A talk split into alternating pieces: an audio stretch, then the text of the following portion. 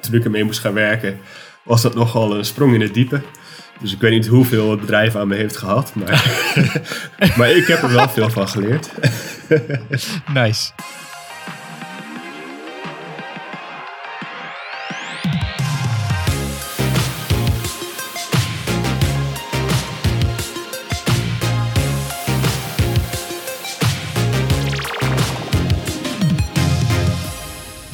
Pixel Paranoid podcast. Ik ben Mikelle en samen met mijn co-host Rick gaan we alles behandelen rondom UX, UI en de development.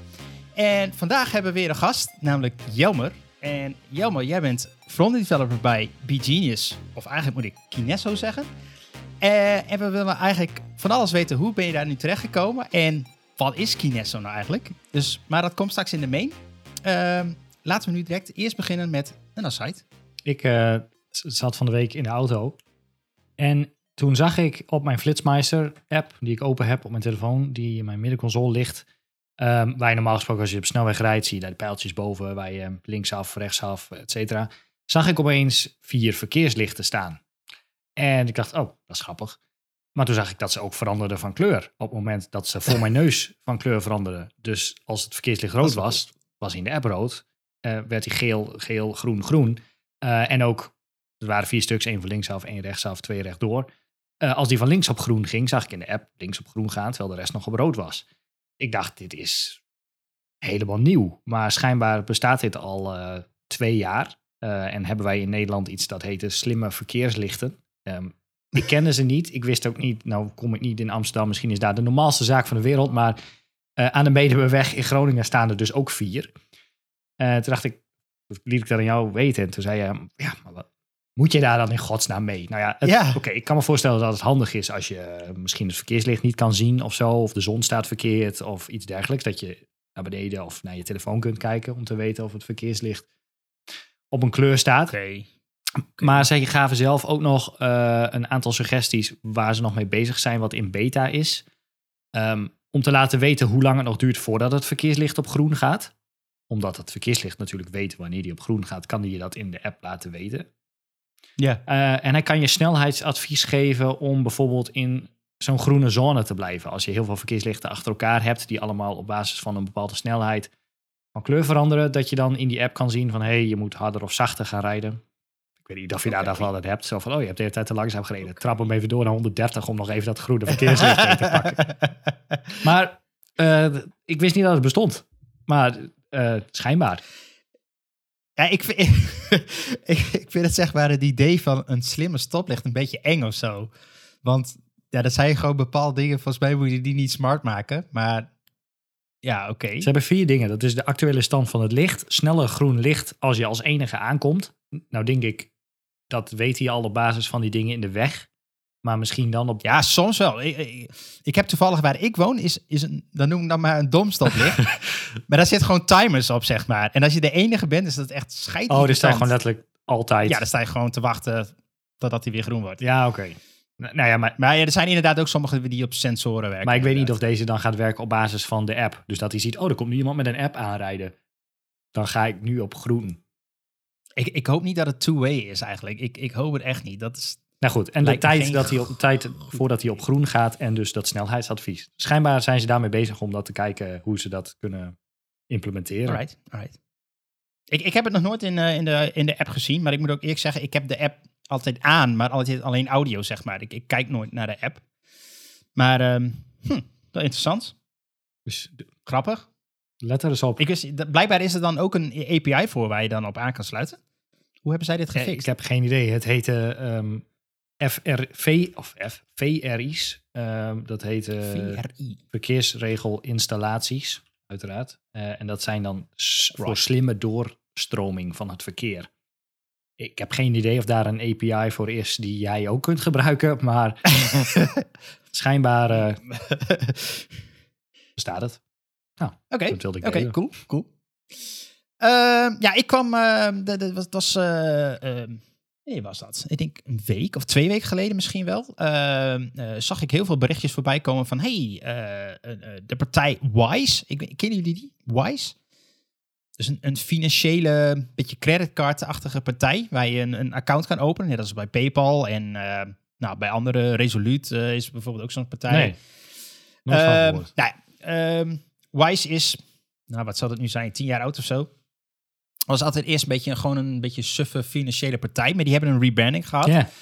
En dat maakt ze eigenlijk nu best wel bijzonder, want het is best wel een uitgesproken design, denk ik, voor een financiële bedrijf. Het ziet er wel echt Ehm, uit als een soort vette, hippe start-up nu. Ja, een beetje zo'n Ja, Revolut ze- en 24 of zo. Een beetje zo'n... eh, Ja, ja. Terwijl ze toch al tien jaar, eh, ruim tien jaar bestaan. Volgens mij 2012 zijn ze volgens mij opgericht. Ehm, en, eh, maar wat ook wel cool is, eh, met deze hele rebranding hebben ze ook een, eh, een design system online gezet. Die publiekelijk inzichtelijk is. Dat is wise.design. Die wordt ontzettend veel bezocht. Hij ligt ook regelmatig plat. Dus mocht je dit luisteren en kijken, dan nou, kan zijn dat hij plat ligt. Maar ook zelfs het design system ziet er gewoon super netjes uit. Ik heb eigenlijk nog nooit zo'n mooi design system gezien. Ehm, eh, alle componenten staan erin. Ze leggen wat, eh, wat patterns uit. eh, de foundations, zeg maar. Dus moet je denken aan de iconen, de kleuren, de logo's en hoe ze met spacing omgaan. En posters, tone of voice. ja. Nou, eigenlijk alles zit er wel in. Ehm, en, en, en heel slick gedaan. Van de, van de eh, components zitten geen codevoorbeelden trouwens bij. Ehm, eh, maar wel leggen ze de interacties uit. Omdat ze eh, voor, voor meerdere platformen ontwikkelen. Bijvoorbeeld voor iOS, Android en, en web. ja. Ehm, en ze hebben wel linkjes naar documentatie, maar dat is dan wel private. Nou, gaat naar een, Ja, naar eigen. GitHub volgens mij. Maar ja, als je een keer nieuwsgierig bent, de- ik, ik, ik zag menig ehm, nou, bekend eh, eh, persoon eh, rondom de front-end ont, ontwikkelaars en, en de designers hier helemaal lyrisch van worden. Van, oh, wat vet dat ze dit gedaan hebben. Is, En het ziet er inderdaad heel vet uit. het is wel groot. Alles is wel... Zeg maar, de hele website is groot. huge. Het lettertype is groot. Alles. alles is Ja. groot. De, de, de- Alles is super bold ook. ja. Ik, goh, ik scroll even door een pop-up heen of zo. Of een pop-upje of een nudge of een drop-down. Maar dat... Wil even scrollen. Maar ook, ook de, de, de website zelf dus is ook zo opgezet. En het heeft wel wat van die, eh, nou best wel, zijn het filmpjes? Ja, er zijn wel filmpjes. Ik dacht even van die 3D dingen, dat het even Oh, G-Sap was of zo. G-SAP was. Maar het is gewoon een video. Oké, ik dacht al even, wow. Ehm, maar wel een bijzondere stijl. Ik, ik, ja, het heeft wel wat. Het is wel lekker, eh, wel lekker fris. Ik vind het wel, eh, wel cool. Nou, en dat voor een financieel partij. Ehm, en, en ze zijn eh, bezig om de wereld te veranderen op financieel gebied. Maar dat zeggen natuurlijk alle financiële bedrijven. Maar eh nou, dat. All right. Ik zou zeggen, eh, bekijk het even. Is leuk. Ehm, gaan we door naar de, de main. En eh Jelmer, dat ben jij. Ehm, en en eh, nou, eh, we hebben vaker gasten in, de, in, de af, in, in de- in deze podcast. En eh, nou, dan gaan we eigenlijk altijd een beetje een soort van historie bij lang, zeg maar. Van hoe is het nou allemaal begonnen? Want eh, toen jij, eh, wat, 4, 5 was, dacht je van ik word front-end developer? Of eh, hoe, hoe is het ontstaan eigenlijk? Nou, dat eh, toen zeker nog niet. Dat, eh, het heeft al een tijd geduurd voordat ik, eh, voordat ik op dat punt kwam. Voordat je je roeping had gevonden. Precies. Maar was het, was het wel al, eh, al snel in de IT-hoek dan? Of, of hoe is dat ontstaan? Is het... Ja, ik, ehm, ik denk dat ik gewoon altijd al wel wist dat ik iets wou gaan doen met computers. Alleen, het is heel erg lang zo vaag gebleven. Ehm, niet exact wetend waar ik meer wou specialiseren en wat dan precies dit wat met computers zou zijn. Ehm, en dat kwam denk ik pas vooral toen ik begon met studeren. Ah ja, ja. Ehm, ik heb dus eerst een jaar, of een half jaar eigenlijk, communicatiesystemen gedaan. Oké. Ik dacht, ik vond dat aspect leek me wel leuk. De combinatie van zowel communicatie als wel, het systeemgedeelte. Ik kwam er al vrij Ja. snel achter dat dat toch niet helemaal was waar ik naar op zoek was. Dus ik ging, Wa- Waar, zat, waar zat hem dat in? eh, ik vond te veel communicatie. Ja, oké. We leerden ook Ja, veel ja. eh, dingen zoals fotograferen en Ja. filmen, wat ik wel heel interessant vond, maar waarvan ik Niet dacht, dat is niet helemaal waar ik naar op zoek ben. Oké. Nee, Een stukje design, dat was ook niet jouw. Nee, ik kwam er al vrij snel achter dat het ook niet helemaal eh, mijn forte Nee, was. oké. Dus toen ben ik eh, echt overgestapt naar het, eh, het echt programmeren. Dus eh, ik ben informatica gaan studeren daarna. En ik kwam daar al wel snel achter van, ja, dit is wat ik wil gaan doen. Ik had al nooit een regelcode Oké. geschreven. dus eh, het was wel even een nieuwe ervaring. Maar ja, ik wist wel direct van, dit is wat ik wil gaan doen. Maar en, en hoe ging dat in het begin dan? Want, want ik kan mijn, nou, dat hebben wij volgens mij eerder ook in een podcastaflevering besproken, Rick en ik. toen wij eh, eh, allebei de opleiding, eh nou wij hebben dan communicatiesystemen gedaan. Maar ik had inderdaad ook klasgenoten, die hadden dan volgens mij amper ooit een computer aangeraakt. Ik, Ja. ik kreeg zelfs volgens mij een vraag van, oh, moet ik een laptop aanschaffen voor deze opleiding? Eh, ja, dat is wel handig, denk ik. Ja. Maar, maar hoe ging dat bij jou? Direct de code in? Wat, wat gingen jullie leren? Was het direct in Java of wat, wat ging helemaal Ja, los? het eerste blok hadden we meteen PHP en SQL, als ik me niet vergis. Oké. Dus eh, dat waren mijn eerste, ja, eerste keer dat ik met code in aanraking kwam. Ehm, ik moest er flink voor werken, want eh, ja, programmeren is natuurlijk wel gewoon eh, een beetje een manier van denken. En je moet natuurlijk eh, v- Hm, vooral eh, met, ja, we stappen niet meteen in het object georiënteerd programmeren, maar het is wel, dat is meteen het tweede blok. Dus er zijn allemaal van die denkmethoden en- of denkwijzen waar je natuurlijk Ja. Aan moet wennen. Maar ik heb toen hard geknokt. Dus ook eh, in mijn eerste jaar gewoon mijn P gehaald. Dat, eh, dat eh, ging direct goed. Ik zat toen nog wel in de fase dat ik niet precies wist welke kant ik op wou in IT. Want zowel, ik vond zowel werken in Java vond ik erg leuk. En ik vind PHP nog steeds eigenlijk niet echt een geweldige, geweldige taal om mee te werken. Dus ik zat toen nog niet echt helemaal in het, het frontend. Ja, Ja, want heb je wel, Focus. w- eh, voor mijn beeld, dat eh, de, eh, he- heb je, kreeg je wel front-end eh, vakken, zeg maar, op die, eh, op die opleiding? Want ik, communicatiesystemen was inderdaad een deel fotografie, een deel branding, een deel ehm, f- front-end en een deel back-end PHP, MySQL, zeg maar. ja, want, ja, ik heb ook PHP SQL Maar- gehad inderdaad. heel klein, heel klein, dus dat was een, een onderdeel ervan, zeg maar. Ja. Ehm, maar heb- waren er ook vakken over front-end gerelateerde zaken dan? Nee, bijna niet. We hebben inderdaad die PHP SQL gehad. En daarna is het eigenlijk altijd een beetje een bijzaak geweest. De opdrachten waren, eh, en het geldt voor alle jaren, eh, was eigenlijk altijd gewoon backend gerelateerd. En de Ja. frontend was dan gewoon, nou ja, Doe maar wat. doe maar wat. Je zag dat ook al vaak terug in de presentaties waarbij mensen hele ingewikkelde backends hadden Ja. gecreëerd. En dan had je dus de meest standaard HTML, CSS paginaatje die je voor Ja, kan ja, stellen. precies. Ja, Dus eh, nee, de focus lag er eh, totaal niet op, nee. oké. Maar mo- moet ik ook wel eerlijk zijn, want eh, hoe lang is dit geleden? Eh dan vraag je me wat. Ik denk negen jaar, acht jaar. Ja, oké, want, want ik moet ook eerlijk zeggen, het was, toen was frontend nog niet zo als dat het nu was. Nog niet met Nee. de, de Angular frameworks en de... Nee. Dat was toen nog niet zo... Ja, het was wel JavaScript, maar... Ja, dus toen, zaten we, denk- toen was denk het inderdaad meer... eh, Python heb ik ook volgens mij nog wel voorbij horen komen. eh, dat was toen ook een ding. Althans een vak, Ja. eh, wat je volgens Ja. mij eh, kreeg. Ja. Ja, en in jaar twee hadden we toen nog de... had je je eerste stage al voor een, eh, voor een kwartaal. Oh. Eh, Oh ja, oké. dat hebben ze tegenwoordig niet meer volgens mij. Tenminste niet bij eh, de software engineering opleiding. Eh, en daar kwam ik aan het werk bij... Derde jaar, denk ik. Ja, ik had ook Ja, een derde derde jaar, jaar een half jaar stage. Ja, we hadden dus de, eh, in de tweede jaar, derde jaar en vierde jaar stage. Oké. En, en wa- wa- wat, voor, wat voor plekken heb jij stage gelopen? Eh, ik heb hier eh, in Groningen bij Key to Publish, dat is een, wat een klein bedrijfje was, waar had ik in mijn tweede jaar eh, mijn eerste stage gedaan. Ehm, daar ben ik ook wat meer in aanraking gekomen met frontend. Daar leer, begon ik te programmeren in een framework voor PHP, wat eh, al iets meer een eh, liefde voor frontend ontwikkelde. Ehm, in mijn derde jaar heb ik bij het bedrijf waar ik toen werkte, eh Radiant heet dat, dat maakte een online bibliotheek voor basisscholen. Eh, daar heb ik Oké. eh, verdiepingsstage gedaan en afstuderen heb ik gedaan bij Begenius, waar ik nu nog steeds, dus, ja, waar ik nu nog oh ja. steeds werk. Ja. En, en hoe, hoe, verliep zo'n, hoe verliep die eerste stage? Ja. Dat, dat was direct een eh praktijktest Ja, natuurlijk. de oriënterende stage noemden ze het. Ze hebben het ook vrij snel nadat ik, nadat ik hem had gehad, eh, een van de jaren daarna hebben ze hem ook eruit gehaald. Want er waren maar weinig bedrijven die echt oriënterende studenten binnenhaalden. Eh, maar het was, eh, ja, je werd vrij in het diepe gegooid.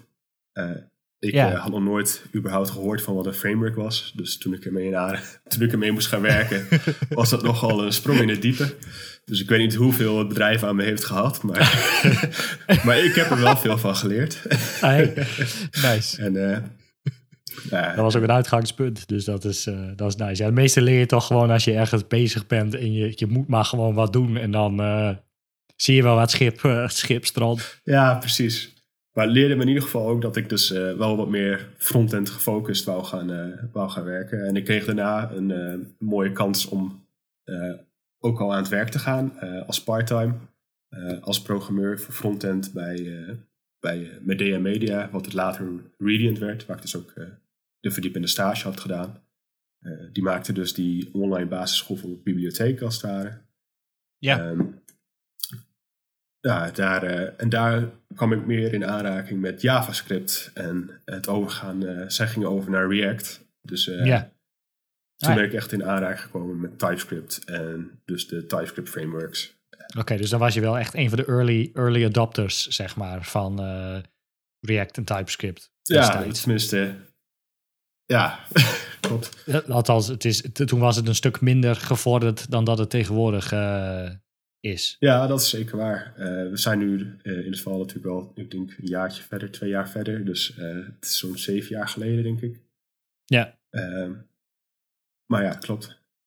nice. Ja, en wat, nice. wat, wat vind je nou zo leuk aan, zeg maar, de keuze dan voor front-end versus back-end, wat je op de opleiding voornamelijk had? Eh, ik denk vooral toen vond ik het erg fijn dat ik gewoon direct kon zien wat mijn veranderingen hadden maakte, zeg maar. Maar Ja, in, check. Eh, ook het design van de website. eh, het is allemaal heel visueel wat ik leuk vind. Ook het presenteren van nieuwe features en dat is allemaal zo visueel. Je ziet Ja, je het- hebt het daadwerkelijk direct resultaat van hetgene wat je maakt. Ja, je? we hebben nu ook bij het bedrijf heb je gewoon presentaties van backend die ontzettend lang hebben kunnen duren en die heel ingewikkeld zijn. En het is, kijk, we hebben nu drie extra rijen in onze tabel. Ja. Eh, of Ja, drie extra kolom. Ja, ja, ja. eh, Dus het zijn- bekende, bekende demo's die wij ook wel hebben inderdaad. Ja, kijk hier, Ja. ja. ik kan het laten zien, maar ja, er staat daar nu een schuifje. En Ja. eh, Ja. we zijn er wel twee weken Oh, mee leuk. bezig geweest, maar nu doet het voor alles en nog wat. Ja, precies. En als ik iets mag presenteren, dan eh, heb je allemaal nieuwe schermen en tabellen en weet ik wat. En ik, ja, dat, dat vind ik toch wel heel erg mooi. Ja, ja, ja, ja. En dan is het dan Ja, voornamelijk zeg maar, de front-end, de React, Angular, eh, de JavaScript, kan, of ook het stukje HTML, CSS en ehm, design, maybe dan toch? Stiekem? Ehm, ik vind het leuk om design na te maken, maar zelf design maken, dat, eh, daar, ben daar ben ik niet zo van. Maar eh, nee, ik vind het hartstikke leuk om met, eh, met, eh, ook met CSS te werken. Eh, je kan er echt zo ontzettend veel mee, ontzettend creatieve dingen mee doen. Dus dat vind ik ja, leuk om mee te prutsen. Ehm. Toen ik begon bij Begenius, dus dat is al een tijdje verder, maar toen maakten wij onder andere DCO, Dynamic Creative Optimizations. Dus eigenlijk gewoon die reclamebanners die je ziet op websites, maar die dan Mhm. dynamisch ingeladen kunnen worden. En dat maakten we dan met JavaScript animaties, of CSS animaties. Eh, en dat moest dus allemaal, eh, nou ja, dat was heel priegelwerk met CSS natuurlijk. En, eh, Mhm. Ja, nou, altijd wel een leuke uitdaging. Soms ook ontzettend frustrerend, maar ook enorm leerzaam. En altijd wel gewoon leuk om mee bezig te zijn, denk ik. Dus, ja. nice. Maar wa- waar heb je... ehm, ehm, ehm, eh, heb je nou dan alleen CSS en HTML en dat soort zaken... eigenlijk echt de, de, de, de frontend van de frontend kant, om maar zo te zeggen... eh, echt bij die bedrijven geleerd? Of heb je er zelf ook nog wat naast gedaan? Of... Eh, Maar je krijgt het niet tijdens je studie, of wel? tijdens mijn studie zeker niet, nee. Eh, nee, het is Nee. vooral dus omdat ik in mijn tweede jaar al eigenlijk een bijbaantje had voor... nou, dus het werken met, met frontend. Daar leerde ik al heel erg veel. Ik had ook een, eh, een senior frontender die daar zat, die eh, me veel heeft kunnen leren. Ik denk dat eh, leren van anderen is het, de beste manier om snel code op te pakken. Ja, Dus om, om dat Zeker. erbij te hebben is hartstikke handig. Ik was zelf ook meer gaan focussen op het leren van frontend. Dus het lezen van boeken. YouTube staat natuurlijk ook vol met tutorials Ja. voor van alles en nog wat. Ja. Na mijn derde jaar had ik even een tussenjaar genomen tussen mijn derde en vierde jaar. Om gewoon fulltime aan de slag te gaan bij het bedrijf. Ehm, oké. en Maakt in- het laatste jaar van de opleiding dan ook wel makkelijker. ja, dat dacht Oh. ik ook. Oh. maar ik, uh, ik kwam terug en kwam erachter dat ze nog maar één specialisatie hadden. En dat was machine learning. Uh, oh. dus ik ging van eigenlijk alleen maar focus op frontend uh, even weer omschakelen naar machine learning voor een half jaar. dus dat was een ervaring. Maar gelukkig er goed doorheen geslagen. nice, nice. En, en mis je, doe jij nou überhaupt nog ooit eens weer back-end dingen of ben je daar helemaal niet meer mee bezig? Um, nou, ik ben er niet heel veel... te vermijden. Ik, eh, ik heb in ieder geval wel als doel om er meer mee bezig te gaan. Uh, dat geeft, uh, ik heb er ook ruimte voor nu uh, op werk om daar wat meer in te ontwikkelen. Om in ieder geval een goede basis om de begrip te hebben voor hoe al onze backend werkt. Want yeah. daar, daar, kan je alleen maar voordeel uit halen, denk ik. Maar ik ben wel echt nog steeds heel erg gefocust op gewoon het frontend gedeelte. Oké, oké. Cool. En nou, je hebt het nu al een paar keer genoemd. Uh, B-Genius. Uh, en het heet nu Kinesso, geloof ik. Ja, we zijn... Wat is het? Wat doet het? wel, B-Genius voorziet een platform voor het beheren en optimaliseren van online advertentiecampagnes over verschillende kanalen, zoals search engines, social media en wel display advertenties. Dus het is eigenlijk gewoon, we hebben verschillende applicaties die online marketeers eigenlijk ondersteunen. we geven ze insights in hun data uh, het helpt Juist. mee met het beheren van die campagnes. Uh, want advertenties dus zij zijn kunnen op, één allemaal... plek. Ja. Oh, zij kunnen op één plek advertenties maken. Um, je hebt, of alleen beheren? Uh, beheren is het, uh, geloof ik voornamelijk. Uh, je hebt natuurlijk okay. advertenties op alle verschillende kanalen. Zijn je ja. ja. Bing, Google en die Facebook, Facebook Instagram, ja. ja. alles. Dus dat is allemaal overzichtelijk in wel, bij Begenius heb je dus een platform waarbij het allemaal gewoon overzichtelijk beheerd kan worden. Uh, en we hebben verschillende applicaties die allemaal dashboards hebben voor het inzichtelijk maken van al je verschillende data. Um, okay. En we geven je zelfs bij uh, Google en Meta op dit moment nog um, recommendations op wat je zou kunnen doen om je advertenties en campagnes te verbeteren. Oké, okay, cool. Een stukje machine learning van, jou, uh, van jouw opleiding. Ah, de machine learning komt uh, voornamelijk vanuit Google en Meta. Oké. maar uh, ja, er, je kan in ieder geval recommendations doorvoeren op die advertenties en campagnes. Zijn met dingen zoals natural language processing, die je dan vertelt over hey, deze advertenties, de woorden hebben zoveel salience, die zou het omhoog kunnen gooien met deze woorden.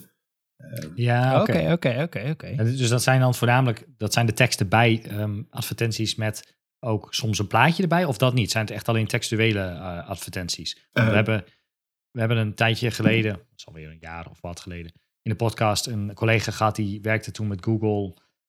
Hoe heette dat ding? Michelle? Op, nee, Optimize. Nee, uh, nou, zo'n tool van Google ja. waarmee je ook uh, advertenties kon maken. Maar dan kon je zeg maar de advertenties ook ja. daadwerkelijk in HTML5 met JavaScript en zo kon je dan dat, de advertentie ook maken met tekst en gifjes en shit, allemaal mm hippe dingen. Maar is, is dat ook onderdeel, zeg maar, als ze de gemaakte advertentie hebben, dat ze die dan in Begenius kunnen aansturen, beheren? Ik, ik ben echt totaal leek op het hele gebied uh, wat ik me hierbij voor moet stellen, zeg maar. uh, bij, uh, ja, bij Begenius, je hebt in ieder geval ook inderdaad allerlei als antwoord op de eerste vraag, ja, ook met plaatjes kan je inderdaad analyses laten doen op je advertenties en daar recommendations op terugkrijgen. Oké. Okay. Maar wij hebben inderdaad ook een, een suite om je eigen DCO-advertenties, dus inderdaad gewoon je eigen banners te maken als het ware in ja, een van onze eigen applicaties. Oké. Dus het is, echt, het is echt één plek waarop je dus de advertenties en kan maken en vervolgens ook kunt uitserveren op, alle sizes en platformen, et cetera, et cetera. Ja. Ah. Nice. En, en wat, wat is jouw bijdrage aan dit geheel? Wat, wat, wat, waar ben jij vooral mee bezig? Uh, toen ik bij Begenius binnenkwam, zoals ik uh, eerder in de podcast al zei, was ik dus bezig met het maken van, uh, handmatig nog toen, maken van DCO-banners. Dan kregen ja. we opdrachten en dan maakten we handmatig dus die banners. En die waren gedreven op feeds. Dus je had dan afhankelijk van je locatie, het weer, werden die banners dan helemaal opgebouwd met tekstjes en met plaatjes. Die wisselden dus afhankelijk van verschillende factoren. Ehm. Dat was het eerste wat ik deed. En ehm, daarna ging ik verder waar ik eerst eigenlijk mee begonnen was met toen ik daar afstudeerde. Eh, zij werkte in AngularJS eh voor alle Right. applicaties. En eh, het werd dus eh, wel tijd voor de upgrade naar eh, het nieuwe Angular. Tenminste, het nieuwe Angular. eh, van Ja, Angular het JS huidige naar Angular. Ja. Angular was het 8 toen, geloof ik. Eh, en het is een, zijn enorme Dat is applicaties. ook wel een beste upgrade trouwens, AngularJS naar Angular 8. Ja, het was een Ik was nog bij een migratie van AngularJS naar Angular 2 of zo volgens mij. Maar Angular 8, dat is wel... eh, dan, dan draaide, het, stap, draaide het ook nog wel een, een tijdje zeg maar op AngularJS. Ja, het eh, draaide al een hele tijd op eh AngularJS. Dus het werd eh, inderdaad hoog tijd om eh, over te stappen. En eh, daar kwam ik dus eigenlijk een beetje voor binnen. Eh, ik had veel ervaring met eh, TypeScript al inmiddels. Ik had wel eh, eigenlijk alleen nog gewerkt in React. Dus ik moest eerst Angular wel een beetje oppakken. Ja, Ehm, Ja. Maar daarmee ja, ben ik toen begonnen samen met een aantal andere frontenders in het team toen om die overstap te gaan maken. En daar zijn we eigenlijk nu nog steeds eh, grotendeels mee bezig. We hebben inmiddels ook eh, nieuwe applicaties waar we aan werken. Ehm, dus eh, nou, daar ben ik een ook- groot deel draait op Angular. Dus nu. Inmiddels eh, hebben we, eh, waar onze focus allemaal op ligt nu, is eh, allemaal Angular, ja. langzaamaan nog, nog steeds wat oude dingen omzetten. Dus. Ja, Vond je Hoe ging die overstap van, van, van, Angular, of van React naar Angular voor jou? Was, was dat te doen?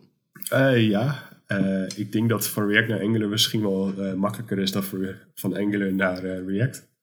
Eh, Oké. React is natuurlijk heel vrij in eh, hele kleine package size en je bouwt zelf maar eh, op zoals jij dat wil eigenlijk. Ehm, en Angular houdt eigenlijk heel erg je hand vast. Heel veel boilerplate, dingen worden voor je gegenereerd. en nou, ik was vrij snel, snapte ik wel een beetje hoe alles in elkaar stak. En, het was nog steeds natuurlijk Ja. wel een leerproces ook voor mij. Eh, maar eh, het was goed op te pakken. Oké. Want wat, wat vind, vind jij, eh, want, want ik, ik, nou, nou, nou zit ik, ik zit een beetje in die wereld, maar niet heel erg. Maar is, is de, de, de, de vrijheid, is volgens mij best rigide, zeg maar. En de, als je helemaal blanco binnenkomt, is het best wel een, een steep learning curve, want ze hebben best wel veel hun eigen dingetjes allemaal. Hoe, hoe kijk jij daar tegenaan? Wat is jouw visie daarop? Eh, ja, daar, eh, daar ben ik het op zich wel mee eens inderdaad. Eh, dat merk ik ook vooral. eh, voor mij is het nu allemaal heel erg van, vanzelfsprekend. Maar ik begeleid ook vaak eh, mensen die nieuw binnenkomen of stagiaires. En dan merk je inderdaad wel gewoon, oh ja, zo heel vanzelfsprekend is het allemaal niet. Eh, en dan moet ik inderdaad vaak even gaan zitten om even goed uit te leggen inderdaad van dingen zoals dependency injection en ehm, wat nou het verschil, ja, wanneer, gebruik, wanneer maak je nieuwe componenten, eh, wat modules. eh, en ze ma- eh, Angular heeft, heeft het zelf ook wel door dat het allemaal heel veel verschillende codeblokjes zijn die allemaal hun eigen ding doen. Eh, dus je merkt Ja. ook wel nu met Angular 15 die ze laatst hebben gereleased, eh, willen ze ook af van dingen zoals modules en het gewoon wat simpeler houden. Want zij merkten inderdaad ook wel dat Ja, dingen ja. erg bloated begonnen te worden. Eh, Ja, en dat het inderdaad even wat simpeler moest. Eh, maar ja, eh, ja, voor mij is het nu allemaal vanzelfsprekend. Dus ik zie dat soms een beetje over het hoofd. ja, ja, precies, precies, precies. Oké. En, en, en stel, eh, je zou nu een privé eh, een projectje doen. Zou je dan ook Angular weer pakken? Eh, Ehm, ik, ik denk het wel, omdat het gewoon inmiddels zo ja, simpel voor mij is. Of, voor de hand, of tenminste, ik Ja, heb er zo mee gewerkt dat het voor mij waarschijnlijk het snelst zou zijn om Angular ervoor te pakken. Ja, ja. Eh, maar om mezelf uit te dagen zou ik ook... eh, ik heb laatst een boek gekocht voor Vue. Eh, daar Oh, heb ik nog niet mee gewerkt. Dus ik dacht van, laat ik mezelf daar binnenkort ook maar een keertje mee gaan uitdagen. Dan ja, ja. heb ik de, de grote drie in ieder geval precies te pakken gehad. Cool. Alright. Hey, en ehm, ik weet eigenlijk niet meer wat ik wil zeggen. Nou, je, eh, ja, ik wel. Je zei net al dat je op werk ook ruimte krijgt om dus het backend eh, dingen mee weer te gaan doen en op te pakken. Ehm, niet als main focus, maar gewoon dat je dan de focus, eh, of dat je een beetje wil weten hoe de backend eh, eh, daar in elkaar zit. Ik weet niet of je het mag zeggen, maar gebruik wat, wat is de backend waar je dan mee gaat werken? Eh, Spring Boot. Eh, wij, Wat eh, het- Oh ja, dat was. Van Java. ja, wij, ehm, wij krijgen op, eh, bij mij op het, eh, bij Begenius krijg je de ruimte om eh, een halve dag per sprint eh, in ieder geval te gaan werken aan je eigen doelen. Eh, dus je kan zelf doelen kiezen voor het jaar om, je- waar je in wil ontwikkelen.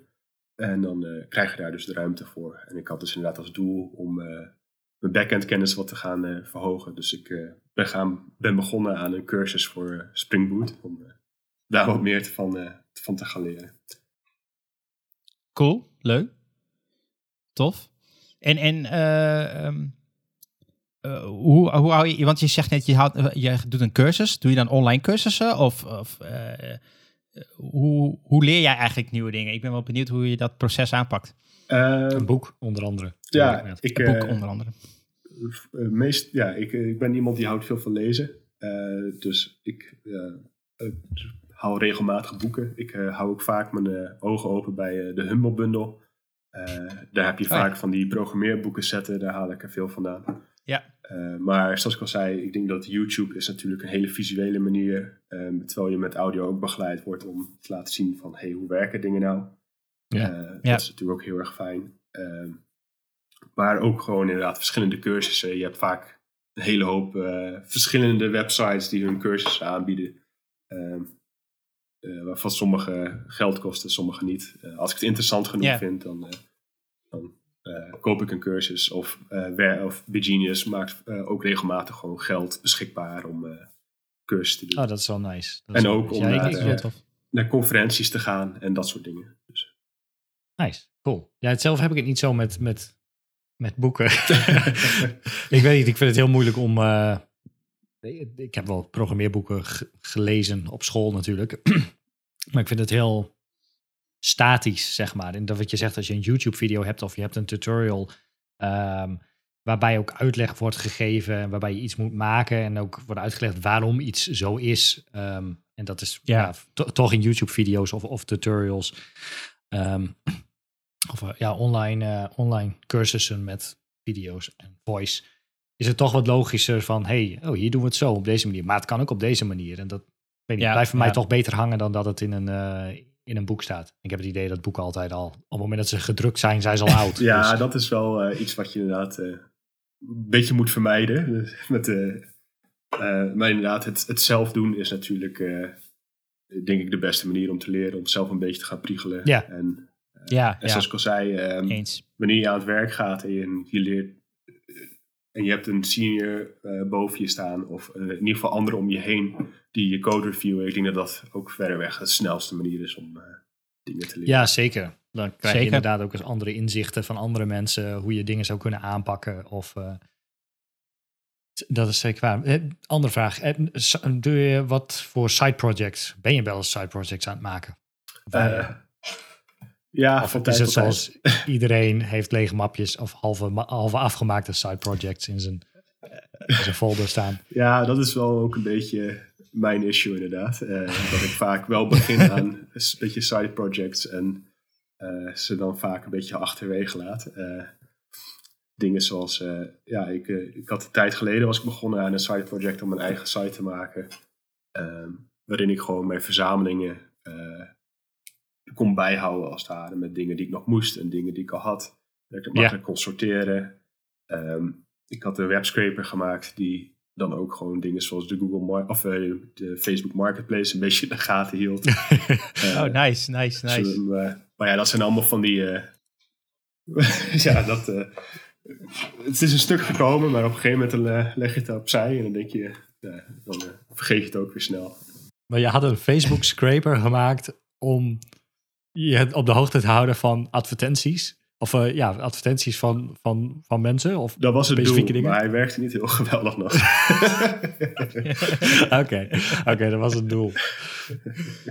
maar eh, ja, nee, Maar toch, het, ik, ik vind wel altijd, je, je leert wel ontzettend veel van dat soort projectjes. Ja. Ik vind het wel altijd Ook al werkt leuk, het eh, niet. Het is wel Ja, frustrerend. ook al werkt het maar, niet, natuurlijk. Maar het is frustrerend, maar sure. Ja. Nee, want ik, ik heb zelf ook een keer zo'n view-projectje gedaan met, met allemaal financiële data om te kijken of ik daar wat mee kon. en een, een eindje gekomen. Dat is ook weer een beetje half doodgebloed, want zo gaat dat met die projecten. Want dan heb je weer geen tijd of andere dingen komen uh, hey, de, de, bij. Maar je leert ontzettend beeld, het werkte. Project successful. ja. Zo, zo, had ik dus zo had ik een view app gemaakt die dus de laadpaalstatus van de, uh, voor het opladen van de elektrische auto doorgaf, omdat er geen bereik was in de kelder en je niet kon zien of de laadpaal beschikbaar was. En dan polde die dus een API en dan liet hij, liet hij zien online of het scherm groen was, dan was hij beschikbaar en anders was hij rood. Dat, uh... Ja, ik had uh, een tijdje geleden inderdaad, toen had ik via Python zo'n voice recognition software had ik dan erbij ingegooid. Ik dacht van, oh, daar ga ik een beetje mee experimenteren. Dat ik dan zelf, uh, als ik dan op een knopje drukte, dan kon ik iets zeggen. En dan googelde die al vast voor me. En ik uh, vond het een beetje vervelend om tijdens de games dan de hele tijd uh, te moeten alt-tabben en te googlen. Dus ik had gewoon dan, had ik een, mijn browser op mijn tweede scherm. En dan kon ik gewoon iets zeggen en dan googelde die het voor me. Um, nice. dat was er nog wel een leuk projectje, maar... dat, dat zijn wel leuke dingen, het zijn wel leuke dingen inderdaad. Um, nee, ik had nog een vraagje, uh, uh, want, want, hoe werken jullie uh, binnen BGenius? Kun je dat een beetje uitleggen? Hebben jullie dan allemaal, werken jullie aan één product, zeg maar, en dan in teams? Of hoe moeten we dat Hoeveel zien? mensen werken er eigenlijk? Ook een goede vraag. Ik denk dat we nu ongeveer met 30 man zijn. En wij werken zoals bijna elk uh, softwarebedrijf, denk ik, met uh, onze eigen vorm van agile. um, ja, eigen vorm van agile. eigen vorm, ja. Heel goed gezegd.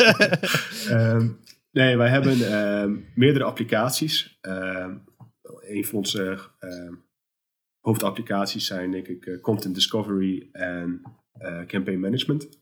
Dat, daar is één team die daarmee bezig is. En dan hebben we nog een paar applicaties uh, activation triggers, feed management, dynamic advertising. Um, uh, daar is dan weer een ander team mee bezig. Oké. Okay. Ja, uh, in de sprints van twee weken zijn we dus ja. bezig in het development proces. En, en hoe ziet, hoe ziet zo'n team eruit? zijn het alleen maar developers of zitten daar ook bijvoorbeeld designers in? Ik noem maar wat. Um, het zijn alle, uh, eigenlijk alleen maar developers. Uh, design heeft een beetje okay. uh, een eigen team nog apart. Ehm, ja. Die dus de, nou, de designs leveren al voordat ehm, überhaupt development begint. ja, oké. Okay.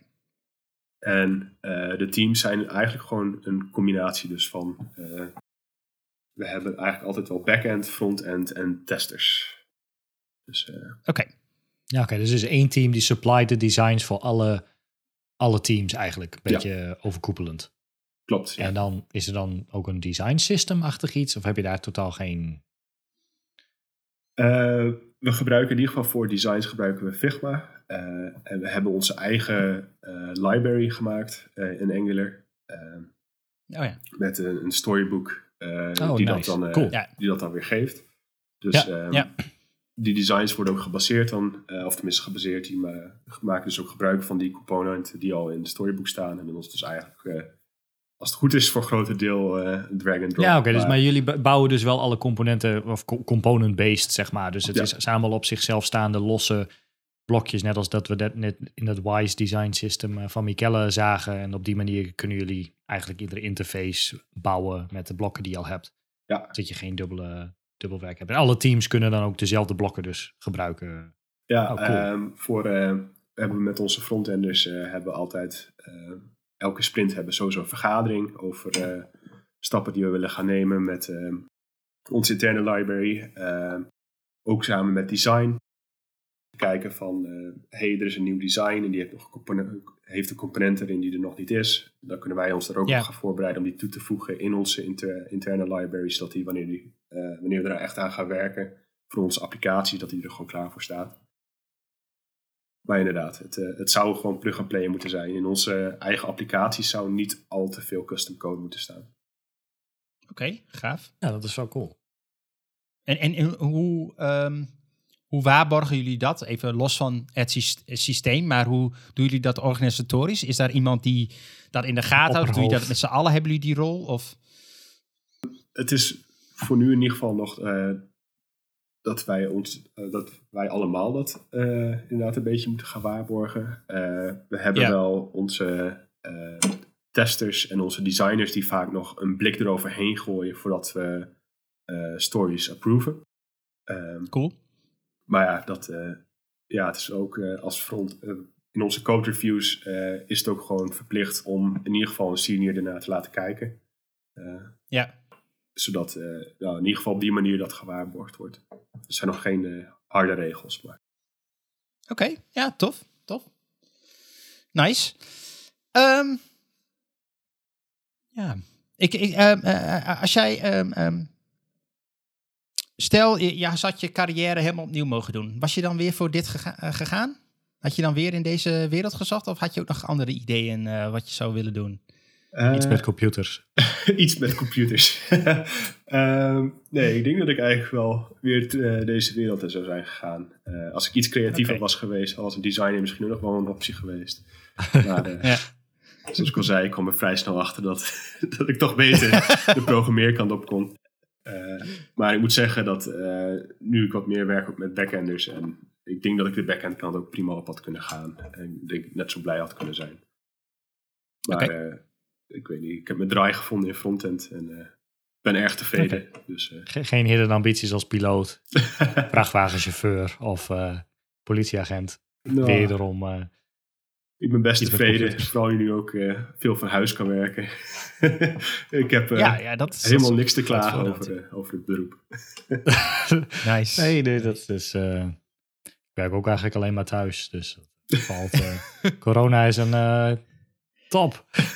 Corona zelf niet, Top. maar wat, het- wat, wat, waar het voor gezorgd heeft wel.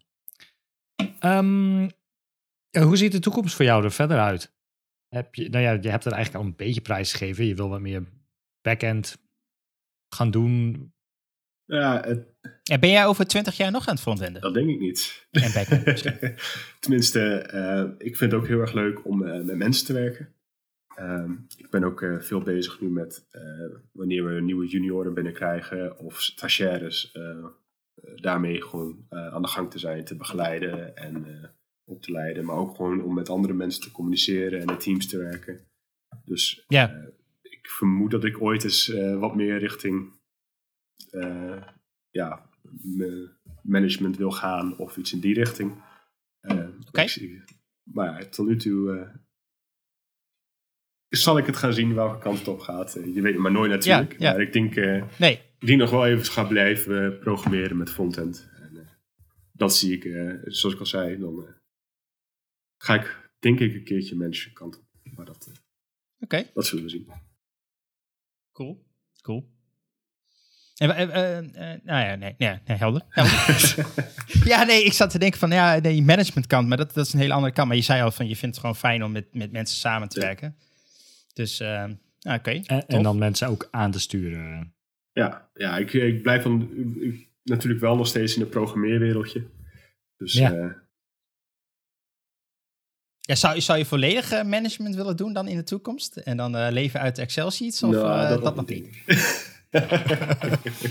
ik wil nog wel een beetje bij de IT blijven staan. Nice. Alright. Nou, ik heb verder geen vragen. Ik, heb jij nog vragen aan, aan ons? Ehm, nou, nee, niet zo direct. Maar ik wil in ieder geval even eh, hartstikke bedankt zeggen dat ik op de podcast kon komen. Nou, de- Ja, ja. wij hebben ook weer een hoop geleerd. Dus dat is... ja, eh nee, ik vind het wel leuk. Michelle, heb jij nog een voeter? Ik heb zeker nog een footer. Eh, en ook wel een, een, een inhoudelijke footer eh, zelfs. Ehm, eh, het, het is een, een, een nieuwe tool van het team van Zeppelin. En ik weet niet of jullie Zeppelin kennen. Het is eh, een, een, een, ja, een tool die, of een programma die eigenlijk assets vanuit Figma onder andere, maar ook Sketch, Ik ken nog aan kan leveren Sketch aan, ehm, aan front-end developers. En die hebben daar een soort van tussentoeltje voor gemaakt. Die maakt alles inzichtelijk van de afstanden, welke assets. Hij exporteert volgens mij ook alle plaatjes en zo. En ik heb daar al heel lang geen gebruik meer van gemaakt, moet ik heel eerlijk zeggen. Maar ik zag nu ineens een tweet voorbij komen dat zij een, een nieuw toeltje hadden geschreven. En dat vond ik wel erg interessant. Het heet eh Omelet, als een omelet, maar dan op zijn Engels. En eh, dat is een tool die maakt inzichtelijk ehm, eh, welke componenten er allemaal leven in jouw, nou, bijvoorbeeld storybook. Ehm, en hoeveel die gebruikt worden. En of ze wel gebruikt worden. En hoeveel versies daarvan zijn. En welke versies worden dan eh, toegepast. En die dacht van, hey, verrek, dat is best, wel tof. Ehm, eh, wat het doet is, en het werkt nu alleen nog maar met React. Op dit moment is het nog maar een, een beta-versie. Uh, maar je kunt uh, uh, je project initiëren, om het maar zo te zeggen, met Omlet. En het haalt dan alle componenten op die inzichtelijk zijn. Um, en houdt dat ook bij. Dus, dus elke keer als jij een nieuw component um, ontwikkelt, kun je weer die init-functie aftrappen. En dan werkt het weer jouw, maakt een soort van online dashboardje, om het maar zo te zeggen. En laat je zien van, hey, dit zijn alle componenten die er zijn. Uh, nou, er zijn deze zijn nu in gebruik. Uh, die mist het. Uh, deze wordt maar, weet ik veel, 3% gebruikt. Ehm, allerlei statistieken over die componenten. En ik denk dat dat voor ja, teams met, met, met best wel grote packages of veel packages en groot softwarepakket, ja, dat het eigenlijk wel super handig is. Ik zit inderdaad um, er even doorheen te scrollen, maar hij scant inderdaad je codebase op het gebruik van je component. Ik heb, ik heb geen idee of Storybook dat zelf. Uh, Jammer, jij bent meer bekend met Storybook dan ik ben. Of daar iets, iets van in zit die aangeeft hoeveel, hoe, hoe vaak componenten gebruikt worden. Om eerlijk te zijn zou ik dat ook zo niet weten. Wij gebruiken Storybook alleen voor onze library. Dus... Ja. Hm. Maar het, het, het, ja, het, het ziet er uh, handig uit. En het idee is ook dat het in de toekomst dus uh, Vue en Angular in ieder geval gaat toevoegen. En ik hoop stiekem ook dat ze iets met of met TypeScript of iets met gewoon Vanilla JS, maybe. I don't know. Maar we gaan, we gaan het zien. Uh, ik ga het in de gaten houden. Het ziet er erg handig uit. Ik denk, denk, dat het voor grote teams erg handig kan zijn. Dus... Kost nou, wel geld. Niks is gratis in deze wereld. Ze zeggen, during de beta is het free. Ja, Oké, okay, ik zag een tabblad misschien. pricing staan. Dus dan, ja, ja, ja, ja voor, voor niks gaat de zon op natuurlijk. Maar, nee, precies. Oké, okay, ik, had een, uh, ik had een voeter, maar die is uh, verdwenen. Dus ik heb een andere voeter. Uh, ja, ik heb geen idee waar die in ons document gebleven is. Maar um, Erik Meijer, de godfather van CSS, uh, die um, twitterde toen, dat is alweer, deze staat al zo lang op mijn lijst, dat ik toen nog op Twitter zat. Um, dat was bijna pre-Elon takeover. Maar die had, heeft een YouTube-video gemaakt, dus je hoeft helemaal niet naar Twitter. Je kunt ook gewoon naar YouTube gaan. Link staat in de show notes. Uh, over de dubbele punt hash selector voor CSS. Nou, hartstikke leuk. Komt eraan. Kun je al redelijk wat browsers gebruiken. Of Firefox nog steeds niet. Come on. Uh, staat trouwens wel op de Interop 2023 lijst. Dus zou dit jaar geïmplementeerd Moet moeten worden. Maar je kunt daar ontzettend veel dingen mee. We hebben al eerder uitgelegd. Je kunt daarmee in plaats van um, dat je een opvolgend component of iets dergelijks kunt selecteren, kun je nu um, het parent component selecteren als die nou, ergens aan voldoet. Uh, als die wordt gevolgd door een component, als er een component in zit, et cetera, et cetera. En dan selecteert hij het parent component. Uh, hij heeft daar een YouTube-video eh, van gemaakt, uh, want je kunt namelijk helemaal losgaan met dat ding. Je kunt namelijk dat ook nog weer combineren met dubbele punt not, dubbele punt mm. met, ja, you name it. Ehm, je kunt helemaal reverse de hele DOM tree bij langs om componenten te selecteren nice. die je eerst niet zou kunnen selecteren.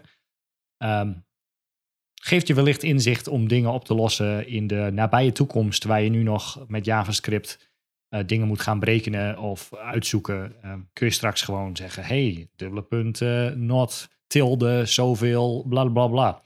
Dan uh, nice, kun je zomaar opeens het achttiende kind met volle maan selecteren van een parent als hij een donkerblauwe achtergrond heeft of zo. Kan allemaal. Cool. Dus dat, is mijn, dat was mijn voeter. Ik weet niet, Jan, maar heb jij nog iets? Ja, heb je nog iets wat je wilt delen? Het mag van alles zijn. Het mag ook een, een, een serie zijn die je bijvoorbeeld kijkt. Dat je zegt van, nou, die moeten boek. mensen kijken. Of een game, of een boek, of alles. Alles mag. Gear mag ook. ja, er is een nieuwe headset gekocht, nieuw beeldscherm, nieuwe laptop, you name it. Nee, Als je niks hebt, dan... Uh... Zoals ik al zei, laatst is uh, Angular 15 uitgekomen. Daar ben ik erg enthousiast over. Uh, met, uh, ze hebben nieuwe. Uh, ze hebben de Angular. sorry, ik ben even de naam kwijt. Even kijken hoor. Laatst is Angular 15 uitgekomen, daar ben ik erg enthousiast over. Daarin hebben ze de manier waarop ze foutmelden, foutmeldingen weergeven. De stack trace hebben ze helemaal geüpgrade. En ik ben daar ontzettend blij mee. Want in plaats van dat je nu 40 regels aan onzin krijgt, krijg je nu gewoon precies waar je naar op zoek bent. Dat, is, dat, is, dat is goed om te weten. Dat is wel cool. Dat is een goede tip, inderdaad. Gewoon out of the box. Gewoon hoef je niks voor te doen als je enkele 15 hebt. En Yes. je- Ze vertellen je nu zelfs Kijk. als het in de template ergens fout gaat, vertellen ze je bij welke onderdeel van de template het fout gaat. Dus ik ben daar erg blij mee. Nice. Ik heb niet heel veel ervaring met Angular, maar de keren dat ik iets fout deed, dan was het inderdaad zoeken naar een speld in een hooiberg vaak waar ik in godsnaam iets fout had gedaan. En dan liet ik het zien aan iemand die zei, oh ja, dit, dat zit dan waarschijnlijk daar. Ja, dat maak ik niet op uit deze foutmelding. Ja, vaak was de eerste regel waar je moest zoeken en de extra 30 regels die waren onzin. Ja, Onzin, precies. ja. Dus, eh, maar dan moet ik even upgraden en dan kan ik eindelijk eh, dingen slopen en dan weet ik ook waar het eh, fout gaat. Maar goede tip dus. Dus iedereen die nog niet op 15 zit, die moet upgraden. En, eh, en anders gewoon eh, voor het eerst eh Angular 15 installeren. Cool. Top. Gaan we doen. Hey, hartstikke bedankt. Ehm, dan gaan we de podcast weer afsluiten. Eh, mocht je deze aflevering nou horen en denken van... hey, dat wil ik wel vaker horen of... Nou, daar wil ik wel op abonneren. Dat kan. Eh, we zijn eigenlijk te bereiken op alle podcast-apps die je maar eh, kunt verzinnen. Ik ga ze niet helemaal opnoemen, maar het zijn er gewoon heel, Zijn veel. Ehm, we nemen dit ook op op video en dan staat het op YouTube. En mocht je nou mee willen kletsen, dan zijn we bereikbaar op Telegram. Zoek dan even op Pixel Paranoia. En mocht je net als Jelmer eh, ook bij ons in de aflevering komen, dat mag. Eh, neem even contact met ons op. Dat kan via de website pixelpa- pixelparanoia.com of op Telegram of hoe dan ook maar. En dan eh, nou, gaan we je misschien wel zien in onze afleveringen. Zeker. En dan wil ik voor nu zeggen, tot de volgende keer maar weer. Hoi. Hoi hoi.